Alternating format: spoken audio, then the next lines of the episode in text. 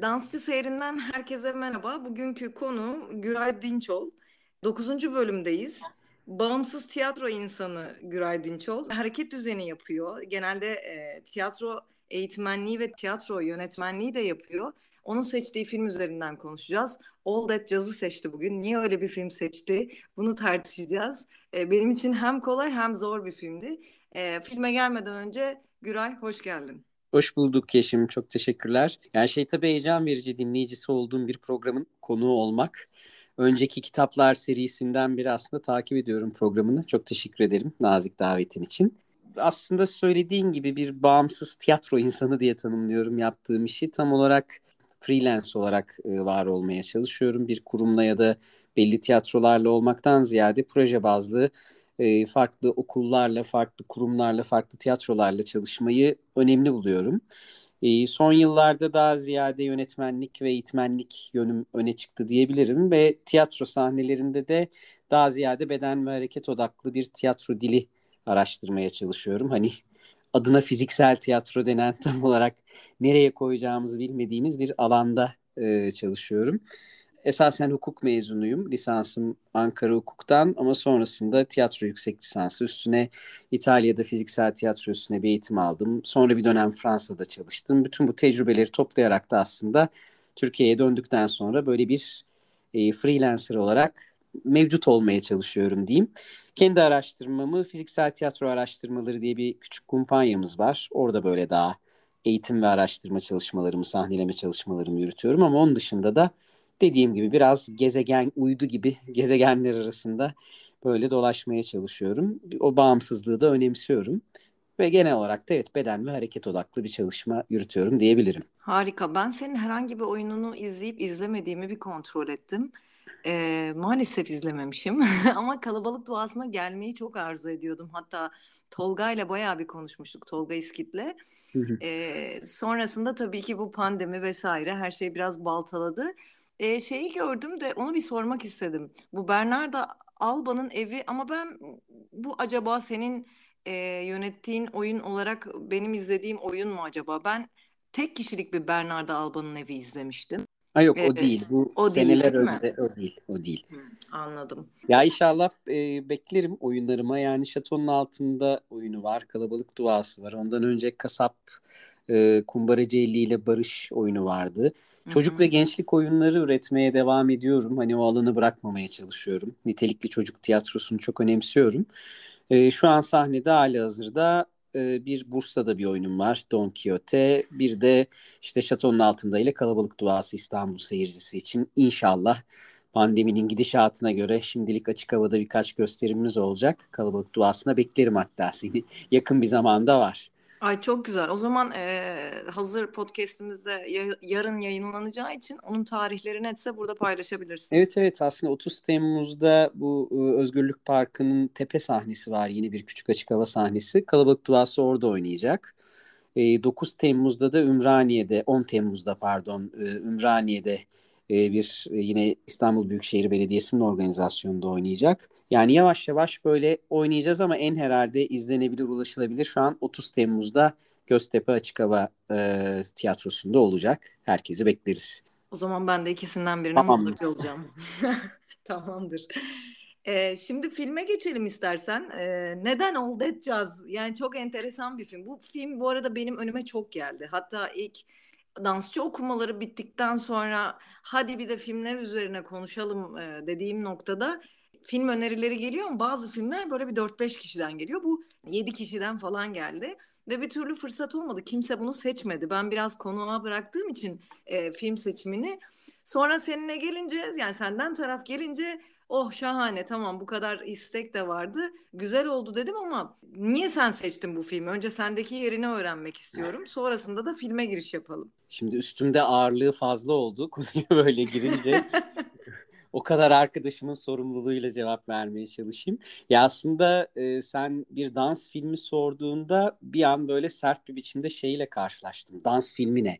sorusuyla aslında önceki sohbetlerinizi dinlememe rağmen kendi seyretme kültürümde bir anda dans filmi diyebileceğim filmler böyle çok klişe ilk aklıma gelen şeyler oldu. Birkaçını söyledim sana. Sonra sen Suspiria'yı söyledin. Suspiria çok heyecan verici bir film benim için aslında. İki, ilk versiyonunu özellikle Ankara'da Akün sinemasında böyle hatırlıyorum çocuk çocukken izlediğim böyle bende izi olan bir film. Ama sonrasında bir anda aslında Old Jazz aklıma düştü. O da bir CNBC e kuşağı var. Hani şu anki belki genç dinleyiciler için böyle bir uzaktır o e, şey, o bilgi ama Doğru. bir CNBC dönemi vardı benim üniversite yıllarımda. Yani böyle 90'ların sonu, 2000'lerin başı, ilk dönemi böyle bir ortalığı kasıp kavuran bir kültür hareketiydi bence televizyonda CNBC. Ve ben bu filmi ilk orada izledim. Üniversite tiyatrosu yaparken yani muhtemelen bir 20-22 sene oluyor izleyişim.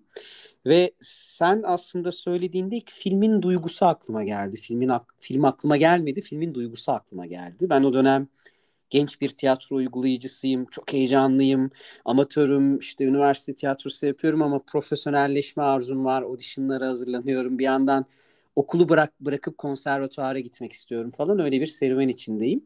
Ve filmin bende karşılığı çok böyle sert bir duygusal çarpışmaydı. Yani arzu ettiğim dünyanın çok abartılmış bir halini ve aslında bir bir yandan da çok sürreal ve çok sanatlı bir anlatımı ile karşılaşmıştım. Ankaralıyım. O dönem böyle tam romantik tiyatrocuyum gerçekten. Bütün o duygularla o filmi izlediğimde bende çok derin bir iz bıraktı. Sonra çeşitli aralıklarla filme birkaç kere daha baktım. Sonra seninle konuşacağız diye bir kere daha izledim şimdi bir geri bastım filmden şey duygusu olarak. Hmm, biraz eskimiş. O eski, o eski hissi fark ettim bendeki duygusal karşılığının nedenini anlamakla birlikte. Ama aslında ilk ağzından çıkmasının nedeni galiba o duygusal karşılığıydı. Bir de müzikal formlara karşı hep müzikale karşı bir ilgim vardı ve filmin e, müzikali kullanma biçimi bana çok çarpıcı gelmişti. Yani gerçekten bir müzikal üretme serüveninin ya bir tür zaten yönetmenin de kendi hayat hikayesinden de yola çıkarak falan e, böyle kendi gerçekliğinden yola çıkarak da yaptığı bir iş.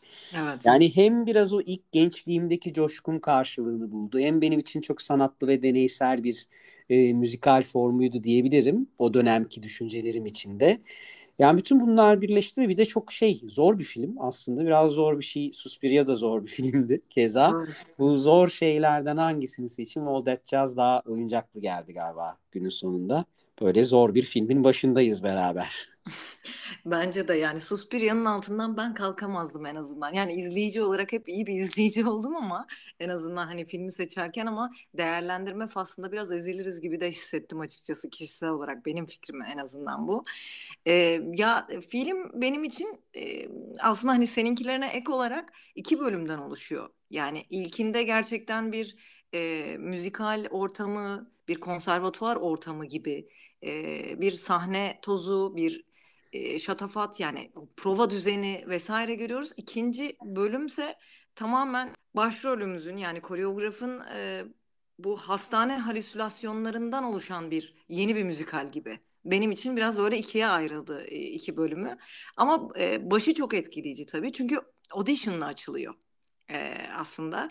Ve e, o audition'ların hani çıplak e, taraflarını biliyorsun. Aslında müthiş bir et pazarıdır. E, evet herkes herkesin önüne geçer ve oradaki o kalabalığı veriyor olması ve o, o kalabalığın içindeki o insanların kendini göstermeye çalışıyor olması ya da son minvalde koreografın dansçıları seçerken ki aslında e, fikri, algısı ya da ruh hali ki hani orada müzisyenler var. Hayır işte şu dansçıyla daha önce çalıştık onun kulağı var. E, neden onu seçmiyorsun arasındaki bağlam e, benim için çok enteresan bir girişti. Şimdi e, filme geri döneceğim ama burada e, çok e, enteresan sıcak bir konu var. Ben e, izin verirsen direkt oraya dalış yapmak istiyorum. E, bugünün gündemi içerisinde de e, müthiş patladı. Hatta dün konuşuluyordu, bugün gündem oldu. Twitter'da da gündem oldu. E, bayağı bir arkadaşım da paylaştı. Tam audition'ı izlerken üstüne bu şey geldi. İzmir Şehir Tiyatrosu bir e, seçme yapacak biliyorsun. E, evet, şehir evet. tiyatroları seçmesi ve e, yani farklı kaynaklar 1500 1500'ün üzerinde bir oyuncu katılımının olduğunu söylüyor bu audition'a. Bazı kaynaklar da özellikle oyuncu sendikası 850 kişinin e, katıldığını söylüyor ve 36 kişinin alacağı söyleniyor bu. Fakat 2-3 e, gündür e, dönen inanılmaz tweetler, inanılmaz paylaşımlar yani oyuncuların söyledikleri en azından benim de e, şahit olduğum, yakinen tanıdığım bazı oyuncuların bu seçmelerde yaşadığı pratikler ve aslında seçme adı altında e, çok ciddi bir umursamazlığa aslında böyle bir psikolojik şiddete maruz kalmalar var. Bu çok ilginç geldi bana ve aslında hani filmdeki o şeyle de paralel bir e, yaşamı yürütüyoruz. Direkt bir bağlantı kuramasak da ya da direkt bir benzerlik olmasa da bu iktidar düzleminin sanata zaten yön verdiği yeri biliyorsun ya da vermediği aslında. Ve pandemiyle birlikte aslında tam da ekmeklerine yağ süren böyle bir e, düzeni iyice oturtup e, sanatı, sanatçıyı önce müzisyenler olarak gözüküyor ama aslında bir bütünen tiyatroyu, dansçıları yok sayan, bu, bu durumdan faydalanan bir iktidar söz konusu. Bir sürü müzisyen intihar etti ama bunun yanında bir sürü tiyatro kapandı. Çok iyi biliyorsun. Ve bir sürü tiyatro tiyatrocu arkadaşımız işsiz kaldı. Tam da böyle bir kapı açılıyorken ve 36 kişi e, böyle bir şehir tiyatrosundan faydalanacakken e, inanılmaz bir şeyin içinde kalıyorlar. Seçmenin içinde ve hani e, ben direkt isim de vermek istiyorum. Duydum çünkü Yücel Erten'in, Levent Üzümcü'nün, Orhan Alkaya'nın, Hülya Nutku'nun ve Şakir Gürzumar'ın içinde olduğu e, bir jüri sistemi varmış ki benim arkadaşım şey diyor. Ben ilk gün girdim e, orada sadece Yücel Erten ve iki başka tanımadığım insan vardı. E, ben bir oyuncu olarak o sınava girdim e, ben parçamı bile göstermedim yani dinlemediler. Sadece bana piyanodan birkaç ses verip ve vals adımları yapıp ondan sonra da kulak olarak da dans olarak da yetersiz olduğumu söyleyip gönderdiler. Bu, bu arada bu arkadaş Sorbon'dan mezun. Yani inanılmaz bir şey. Bu arkadaş tek değil. Hani diyelim ki o öyle oldu ve çok başarısız geçti en az 15 kişinin paylaşımını gördüm. Şimdi çok uzattım ama şöyle ki hani 26, 27, 28 Haziran ilk aşaması olmuş bu işin şu an bir iki belki de hani bugün de ikinci aşaması olmuş bir de üçüncü aşaması olacak. E, felaket bir e, insan elemesi yapılıyor ama e, içeride bir sürü insan tam olarak böyle bir sınav gerçekleştirmediğini ve auditionların yani audition adı altında aslında bu iktidarın devam ettirdiği mafyacılık ilişkilerinin hala her yerde devam ettiğine dair izlemler var ki dediğim gibi oyuncu sendikası paylaştı. Bir de e, e, bugün Change.org e, imza kampanyası başlatmış bu sınavın iptal edilmesine e, ilişkin. Şimdi filme geri döneceğim ama senin fikrini de merak ediyorum. Nasıl bakıyorsun buna göre? Yani e, zaten sağlıklı koşullarda değiliz. Ülke olarak ve kültür sanat olarak da çok sağlıklı koşullar içerisinde zaten hayat bulamıyoruz. Ama buna dair sen ne düşünüyorsun? Senin fikrini merak ediyorum. Ya aslında bu konu tiyatro kurulurken Fatih tarafından e, gündeme getirilmişti. Genel sanat yönetmeninin atanması sürecinde de benzer bir e, tercihler silsilesi vardı bildiğim kadarıyla. Yani bu zaten tiyatroda, Türkiye tiyatrosunda değersizleştirme, eicizm, ustacılık, işte bütün o e, o hiyerarşik yapı yani bahsettiğin jüri üyeleri Türkiye tiyatrosunda değerli isimlerdir elbette ama hani hiç mi acaba çağdaş tiyatronun bir temsilcisi işte bir gerçekten müzisyen, dans sanatçısı, tasarımcı gibi bir kişi neden yok mesela bütün bu evet Ya. Bunlar çok tartışılır şeyler. Ee, yani çok böyle aslında köhnemiş bir tiyatro algısıyla yapılmış bir e, seçme gibi duyuluyor. Çok fazla detayına hakim değilim açıkçası. Ama zaten kurumun e, ortaya çıkışında bile işte Fatih'in gündeme getirdiği bir takım problemler vardı. Yani buna nasıl bakılır? E, değersizleştirmeyle başlayan bir sistemde nasıl sağlıklı bir üretim ortamı oluşur? Nasıl yeni bir ekip kurulabilir? E, yani hala bu işte e, old school bir bakış açısıyla kendini asla yenilemeyen, aynı 5-10 isim etrafında dönen bir tiyatro nasıl ilerler, nasıl kendi sanatçısını, perspektifini geliştirir? Bence bunu böyle kişilerden bağımsız bir gün tartışmayı becerdiğimizde bir yere varabiliriz. Yani çünkü öyle kutsal isimler ki bunlar. Hani biri hakkında bir şey söylediğinde 10 tane öğrencisi, 10 tane meslektaşı, 100 tane işte bir şey böyle bir anda bir tartışmanın merkezine çekiliyorsunuz ve bu tartışmalardan gerçekten ben hem bıktım hem de faydalı da bulmuyorum. Esas mesele gerçekten neden ilerleyemediğimiz bu alanda neden bir türlü e, aslında eleştirdiğimiz bir, e, bir yaklaşım olan muhafazakarlaştığımız hızın üstünde durmak gerekiyor. Bence çok köhnemiş, çok hantal, işlemeyen bir tiyatro sistemini yeniden yeniden sıfırdan kurulacak bir yerde var etmenin hiçbir faydası yok. Oradaki isimlere yanına en azından keşke daha işte çağdaş akımlardan işte çağdaş disiplinlerden de yöneticiler olabilseydi belki bir dengeleme imkanı olabilirdi ama hani ben de çok hoş baktığımı söyleyemeyeceğim ve her tür eicizmin, o usta, çok abartılmış usta çıraklığın, o bizim büyüğümüz. Yani bütün bu dillerden bana gına geldi açıkçası. Yani hakkını teslim edebileceğimiz kişiler muhakkak ki var. Ama yani şu an bile mesela bu politik konuşmaya çabalamaktan yoruldum. Artık birilerinin sanki daha net, daha doğru, daha direkt bir şeyleri dile getirmesi, daha tartışmacı olması. Mesela Change.org'u söyledin, senden duydum. Bu bence müthiş bir hamle. Yani genç oyuncu arkadaşlarımın, oyuncu arkadaşlarımın bunun arkasında durması, Twitter'da ortalığı ayağa kaldırması, bunu dile getirmesi bence çok kıymetli. Belki bundan bir süre önce genç bir oyuncu adayı bu topa giremezdi, bu riski alamazdı ama artık mesleki örgütlerin de belki varoluşuyla bir tür bence bu dönüşümü yine sağlayacak olan genç sanatçılar. Gençle kastım yine bir yaştan bahsetmiyorum. Zihnini ve yaratıcı alanını en azından genç ve diri tutacak kişiler. Kesinlikle. O yüzden bence alternatif alanda kalmaya, durmaya ve dayanışmaya devam ederek böyle oralara bir bakıyor ve bir tür aslında e, hak talebimizi dile getiriyor olmalıyız. Hani biz kimiz burada bağımsız sanatçılar diyeyim. Yani bir kurum varsa o kurumda benim de hakkım var ve ben bunu talep ediyorum. Bunu dile getiriyorum. Tüm genç arkadaşlarımın da bunu yapıyor olması bence çok heyecan verici. Aynen öyle. Çok güzel açtın. Aslında burada o isimleri saymamın temel amacı da şuydu. Yani diyorlar ki mesela ya ilk günün elemesinde işte sadece Yücel Erten vardı. Üçüncü, dördüncü günde bu isimler eklendi ve nasıl oluyor bu? Yani bu jüri başından sonuna dahil değil mi? Yani dediğin e, yer üzerinden şunu söylüyorum. Kişiler değil burada. Araç ya da amaç edinilen durumda bir tehlike var. Ve neye göre, kime göre e, dediğin gibi bir düzleme gidiyor. O zaman işte şeyi sorguluyorsun. Evet ben de kişileri ya da kurumları tartışmak istemiyorum. Ama bu iktidarın her yere dayattığı mafyalaşma sahneye, sanatçıya, sanat kurumlarına da e, sıçrarsa başka türlü bir şeye gelişecek. O yüzden bugün evet Change.org'un e, düzenlediği bir imza kampanyasının bence de çok büyük önemi var. Ve nasıl bu bir anda e, sele dönüştü anlamadım. Çünkü üç gündür paylaşımlar vardı ama bu kadar dikkate alınacağını ben de tahmin etmiyordum. Çok da güzel oldu. İyi ki dediğin gibi bu genç beyinlerin gerçekten kendine alan açmak için kesinlikle savaşması ve konuşması gerekiyor. Ya bir de merdiven altı falan gibi bir açıklama da vardı. O da bence dikkat çekici. Yani bu sanat eğitiminde bir tür tekelciliğe, tekelcilik sesinin de ortaya çıkması bence hoş değil. Yani sonuçta zaten çok zor şartlarda insanların sanat eğitimi aldığı bir ülkede hani çok kolay geliyor bu tip laflar bir anda ağızdan çıkıyor ama bu ülkede bu sanatı yapmaya çalışan binlerce insan için çok kırıcı söylemleri ya da o auditionlarda, seçmelerde çok kırıcı tavırlara, yöntemlere dönüşebiliyor. Ve sonra da işte al sana ömür boyu sürecek bir nur gibi sanatsal travma yani.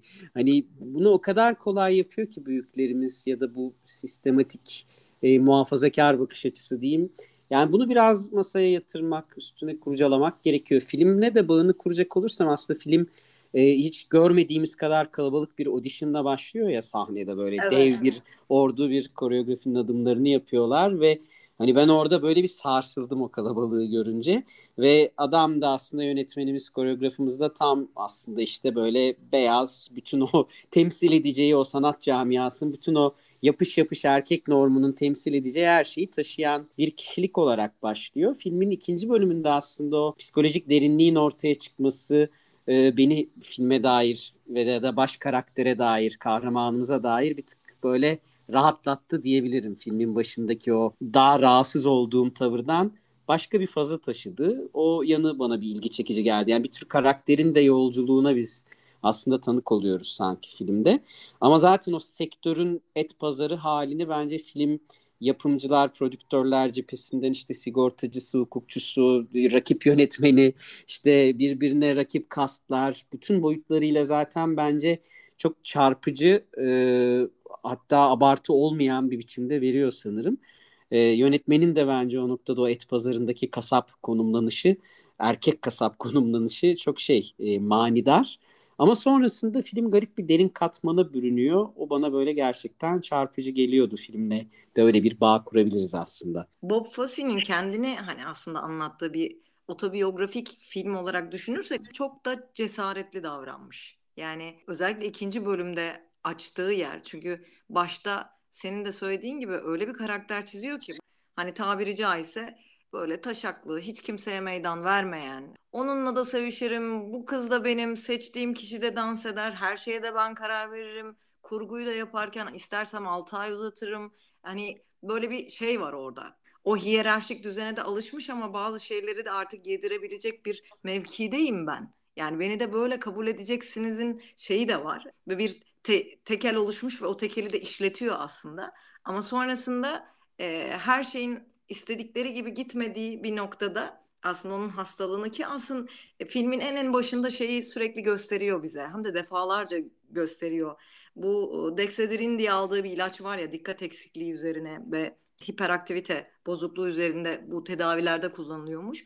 Orada aslında zaten bize aslında mesaj olarak veriyor ama biz de bunu görüyoruz ya da biliyoruz ama sonrasındaki ikinci plana daha derin girdiği yerde ah evet işte kalp hastalığı işte şu bu bu vesairede. Başka bir kişilik görüyor olmak bana heyecan verdi ve şeyi de görüyorsun aslında. O kısımda Hollywood'un e, bütünen ya da o e, New York piyasasının bir işi yapsa da yapmasa da nasıl kar ettiği ile ilgili o yani kapitalist sistemin e, getirdiği o avukatların paraları hesaplıyor olması ve ne yaparsa yapsın asla e, zarara uğramadığı e, mali boyutları ortaya döktükleri noktada Allah kahretsin neler dönüyor kısmı beni bayağı incitti yani. Ve yani hiçbir zaman ben hani kendi meslek hayatımda tanık olmadığım bir büyük pazar filmde tanık olduğumuz ama işin tuhafı hani hiç şaşırtıcı değil gerçekten. O nelerin döndüğü e, gerçekten tahmin edilebilir bir büyük pazarın parçasıyız biz de bir yerden aslında. Kendi ait olduğum e, düzen ne kıyasla çok daha büyük bir piyasa var o filmde tanık olduğumuz ama hiç şaşırtıcı değil yani işin o endüstriyel boyutuna tanık olmak. Yani çünkü zaten parçası olduğumuz dünyanın sanatının da zaten endüstriyel yanı herhalde öyle işliyor. Hani buna hiç şaşırmıyorum.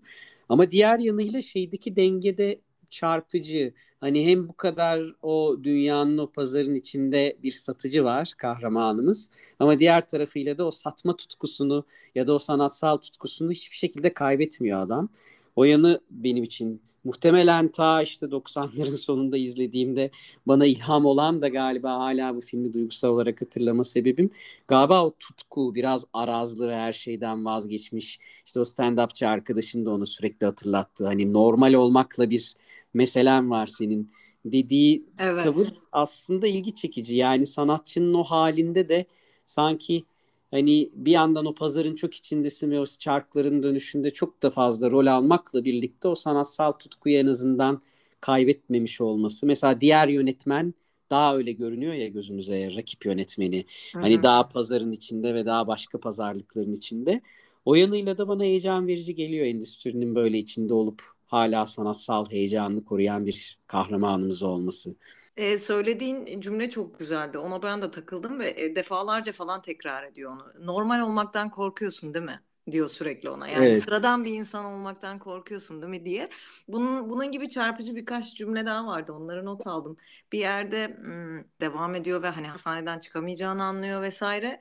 Sonrasında bu halüsinasyonların aslında hani devrettiği ikinci bölüm başladığı zaman e, oradaki halüsinasyonların içinde bile hani e, yönetmen olarak yine kendini koyuyor olması ve halüsinasyonları yönetiyor oluyor olması bana bana çok tatlı geldi ama oralarda da işte birkaç cümle kuruyordu. İşte e, Tanrı'ya yakarış, yakarışları vardı bir yerde işte e, müzikal komedi sevmiyorsun değil mi? Yani evet. bu, bu, bu kadar mı şey yani kötü falan diye ve arada da işte şey diyor yani şu an ölemem lütfen diyor. Bütün filmi baştan almak istiyorum. Şu an değil diye. Onlar mesela sürekli tekrar ediyor şeyin e, filmin içerisinde ve çok güzel renk katmıştı. Ama e, sevdiğim şey aslında filmin içerisinde hem kendini e, hasta olan yerde yani evet bu müzikal bitmedi ve e, bir hastane bölümü yazacağım gibi aslında hastanedeyken o gördüğü halüsinasyonları e, bu şekilde yönetmen olarak da e, yönetiyor olması ve o halüsinasyonun içerisinde yönetmen oluyor olması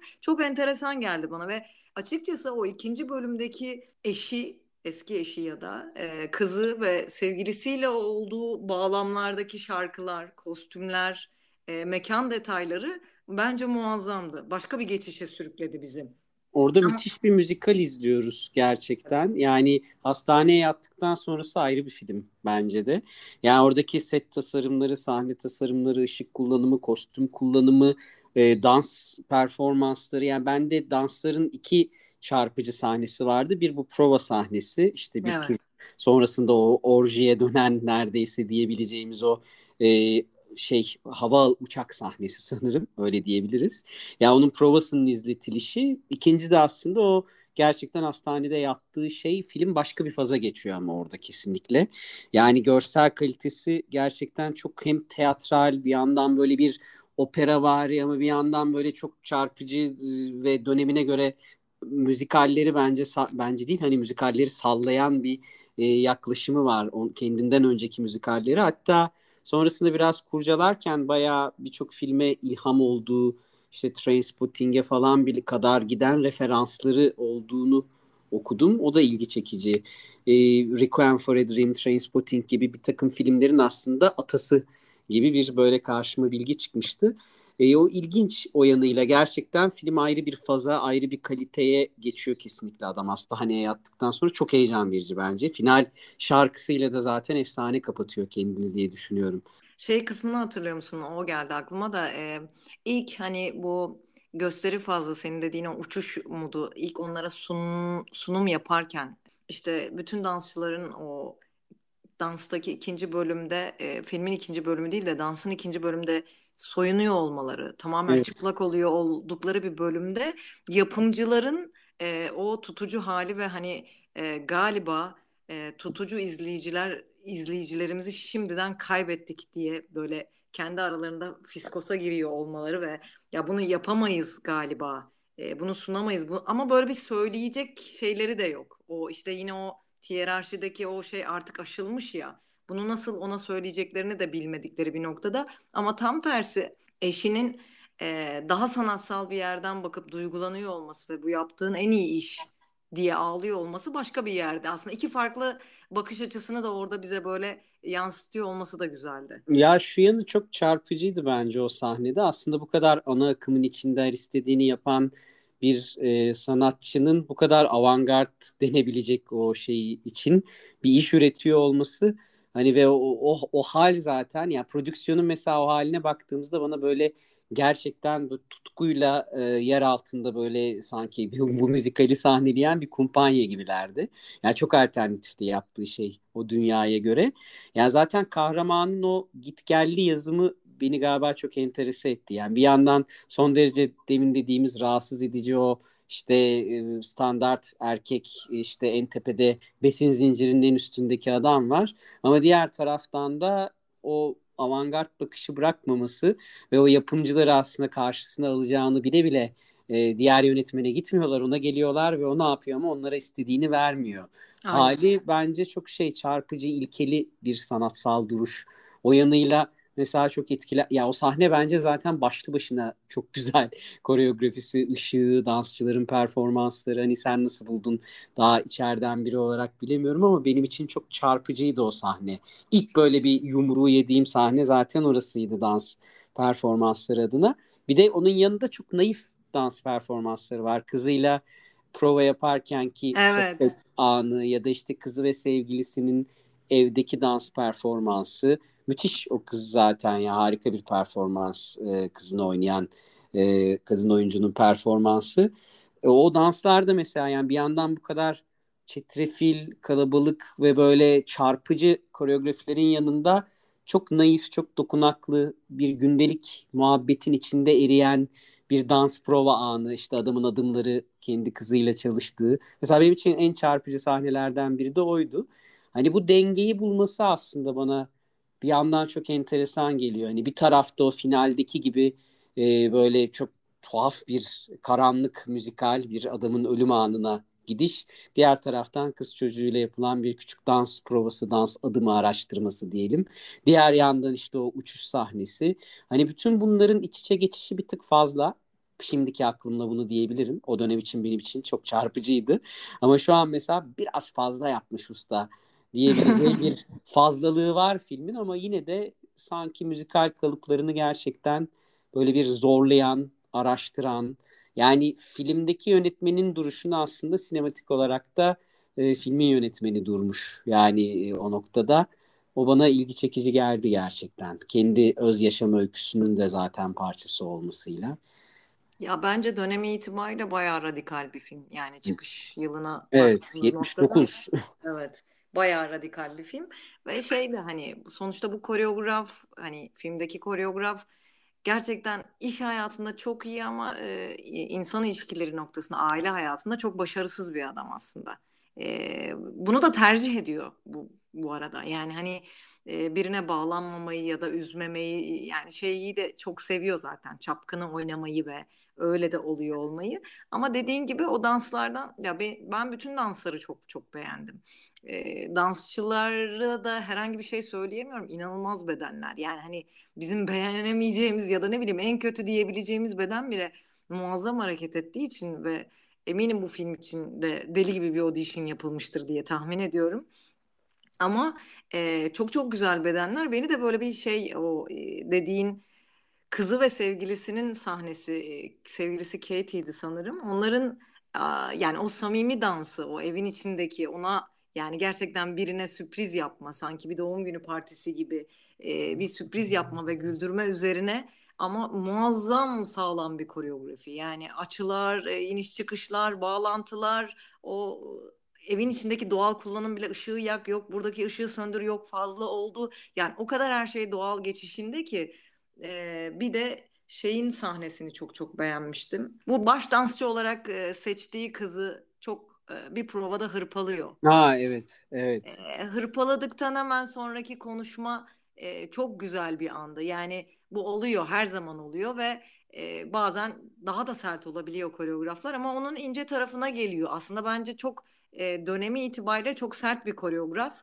ve çok ne istediğini bilen kati bir koreograf ama orada e, söylediği şey çok güzeldi. Yani şey olarak hani seni çok iyi bir dansçı yapamam ama kalırsan e, daha iyi dans etmeni sağlarım diyor olması ve e, sonrasında hani kızın buna inanıyor ve dans ederken ki tavrının değişiyor olması oradaki işte aslında yapıcılık e, genel olarak aslında hiçbir ortamımızda olmadığı için yani genel dans camiasının içinde herkes için bunu söyleyemem ama konservatuvar eğitimlerinde de e, bazı zamanlarda bazı projelerde de çok şevkimizin kırıldığı ya da bir şeyi yapamayınca zaten olmuyor ya da sen tam okey buradan çık gibi hani daha sert tavırlarla karşılaştığımız için e, şimdilerde tabii ki değil ya da sen kendi e, çalışma tekniğini geliştirdikçe, sen kendi anlayışını geliştirdikçe başka yerlerde oluyorsun. Bundan bahsetmiyorum. Ama konservatuvar yıllarında bu tarz şeylerle o kadar karşılaştık ki birebir böyle olmasa da e, direkt o psikolojik şiddete maruz kalıyorsun. Aslında kızın koreografi içerisinde kaldığı e, nokta da biraz öyle bir yerdi. Ama orayı çok güzel toparlayıp çok güzel aşan bir yerde olduklarını gösterdiler bize. O tarafıyla keyifliydi bence. Yok zaten böyle kahramanı gerçekten çok bıçak sırtında tutmayı becermiş böyle evet. bir böyle gerilimli bir sevgi nefret ilişkisi yaşıyorum kahramanla. yani o dediğin yer ilginç aslında o mesleki zorbalıktan nasıl kurtulunur? O böyle çok üstüne düşündüğüm bir şey. Ben kendim İtalya'da okuduğumda aslında ilk onunla karşılaştım. Yani daha doğrusu başka türlüsünün olacağıyla. Yani bizim okulumuzda da böyle her cuma günü seyirciye açık o hafta çalıştığımız parçaları göstereceğimiz böyle kreasyone dediğimiz bir şey vardı gösterim. Bütün hocalar gelir, okulun bütün hocaları seyirciye de açık ve parça çalışmıyorsa anında keser hoca diğer hocalarla paslaşarak. Yani belki 10. saniyede kesebiliyorlardı sizi. Ve sonra seyircinin önünde böyle bütün hocalar size dan dan dan bir feedback veriyorlar. Oldukça sert. Ama ben orada şeyin ayırdına varmıştım. Sadece teknik konuşuyorlardı. Yani insanın kendisiyle, karakteriyle, kişiliğiyle, varoluşuyla. Ya yani benle ilgilenmiyorlardı aslında. O kadar çok işime dönük feedback aldım ki Sonra kendi mesleğime de aslında onu transfer etmeye çalıştım. Bakın sizle ilgilenmiyoruz, mesleğimizle ilgileniyoruz. Mesleğin teknik sınırları ile ilgileniyoruz. Yani dolayısıyla bir teknik geri bildirimde bulunduğunuzda zaten birisinin onu alması, kabul etmesi, dönüştürmesi daha kolay. Ama bizde hemen biraz o Orta Doğululuğumuzdan gelen herhalde o duygusallaşan, yapış yapışlaşan, bir tür hemen mobbinge dönmeye müsait bir duygusal zemine konu girdiği an zaten bence o şeyi kaybediyoruz disipliner sınırı. Ya bu bana hep çarpıcı geliyor üstüne düşündüğüm bir şey. Yani ne zaman ki tamamen teknikten ibaret tabii ki insanız ama teknikten ibaret bir geri bildirim dili inşa edeceğiz. O zaman sanki o mesleki zorbalığın da boyutu azalacak gibi geliyor bana. Filmde mesela benim için de çok rahatsız edici bir sahneydi. Ee, ve gerçekten aynı şeyi ben de yaşadım. Neyse hadi fena fena döndürmedin. İnsani bir yerden çevirdi topu gibi bir his bıraktı bende ama çok üstüne düşündüğüm bir konu o ilişki nasıl kurulmalı? Nasıl o teknik yerde kalıp bir yandan da robotlaşmayacaksın. Hani duygusuzlaşmadan ama sadece teknik bir alanda nasıl kalınır? Gerçekten sence nasıl kalınır? Anlattığın e, bence hani örneklendirdiğin yer çok kıymetli bence. Hani İtalya'da şanslı bir eğitimden geçmişsin diye düşünüyorum. Ben şahsen Türkiye'de e, o eğitimi yaşadım ama e, yani senin yaşadığın birebir eğitimden bahsetmiyorum. Bence biz konservatuvar hayatı boyunca çok fazla şiddete maruz kaldık. Yani en azından Türkiye koşulları için bunu rahat söyleyebilirim. Fakat şu da var yani ben açıkçası kendi aldığım eğitimlerde ya da... E, şiddete maruz kaldığım yerlerde hep bunu sorgulayan ve e, şunu söyleyen biri oldum. Ne eğitim verirken, ne ders verirken, ne de bir koreografi yaparken bu yaşadığım pratiklerin hiçbirini başka birine yaşatmayacağım e, noktasına geldim. O yüzden evet kendini dönüştürme fikri bence de işlemeli. Senin esas aldığın yer kıymetli bence. Dedin yani bana bu kadar teknik bilgilendirme yapıyor olmaları ben de ha okey bu duygusal bir yerden bakmıyor o zaman benim de böyle işletmem gerekiyor dediğin yer bence kıymetli. Peki şöyle e, son sözü sana vereceğim artık böyle sonlara yaklaştık ama e, yani filmi de aslında e, değerlendirdik her açıdan diye tahmin ediyorum. Final beni alabora etti ya. Ben her koşulda iyileşecek ve o müzikali tamamlayacak hissiyle doluydum. Ve böyle hayır ya film bitiyor ve e, kesinlikle bu müzikal tamamlanmadı hissiyle böyle bir yarım kaldım ama bir yandan da klasik bir son olmayışı beni bir cezbetti. Yani o müzikali beklerken e, onun böyle bir şeffaf o e, ceset torbası ne diyorlar artık onun içine giriyor olması ve böyle finalize oluyor olması ve evet işte bitti e, ve sahnenin bitişi budur gibi aslında müzikalin sonu gibi onu böyle bir e, törenvari bitirmesi bir hoşuma da gitti ama dediğim gibi bir yandan da ne oldu şimdi oldu mu olmadı mı hissini çok net yaşadım. Son sözü sana bırakayım. Senin için nasıldı? Ya Goodbye Happiness diye bitiyordu değil mi? Öyle bir tuhaf bir yerde bırakıyordu ama ben ben sevdim finalin o sertliğini. Bir anda bir de müziği de sert bir katla aslında o ceset torbasına bağlaması falan çarpıcıydı. Yani şey şeyi galiba seviyorum. Yani yapımcıların arzu ettiği şey oldu ya aslında o parayı kazandılar. Yani evet. çıkmamış bir müzikalle kâra geçtiler. E, filmde de bahsedildiği gibi. Yani bütün bu realitenin döndüğü bir fonda işte o e, kız çocuğuyla edilmiş bir dansını da gördüğümüz, o büyük fantazileri de gördüğümüz, bütün o sürreal müzikale de tanık olduğumuz bir filmin ceset torbasında bitmesine okeyim. Yani bana o kadar çok aslında imaj hediye etti. Öyle bir fantazi dünyasına soktu, çıkardı. Sert gerçeğine bir yandan yüzleştirdi. Bir yandan işte adamı aşkları, kızıyla ilişkisi gibi o kadar çok yere sürükledi ki bir bilardo topu gibi hissettim. Ve son noktada artık o netlik yani hayatın o katı gerçeğine dönüş beni rahatsız etmedi. Çünkü hani damağımda kalan hala fantazi dolu bir tattı ve onun o sert realiteyle bitişine ben çok okeyim diyebilirim. Ya yani benim için böyle hani gerçekleştirse e, o kadar fantazinin o şekliyle sahnelendiği, bu kadar deneysel e, hatta işte böyle avantgard diyebileceğim bir o dönem için 79 yılının o kalıpları için diyebileceğimiz bir yaklaşımın da finali sanki böyle olmalıydı bu netlik ve sertlikte. Yani ama sonuçta aynı sektör bu filmi yaptırdı.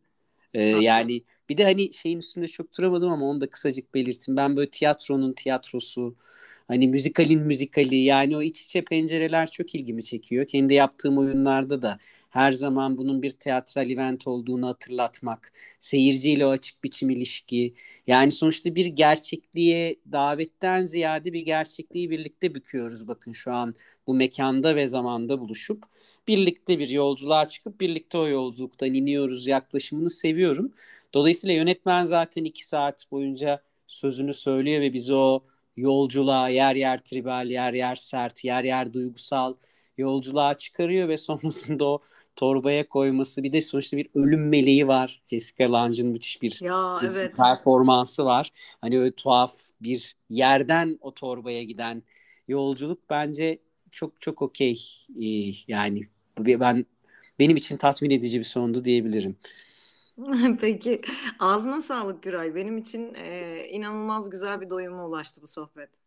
Ya ben de çok keyif aldım. Çok teşekkür ediyorum. Ne güzel oldu. Peki o halde bir sonraki programda görüşmek üzere.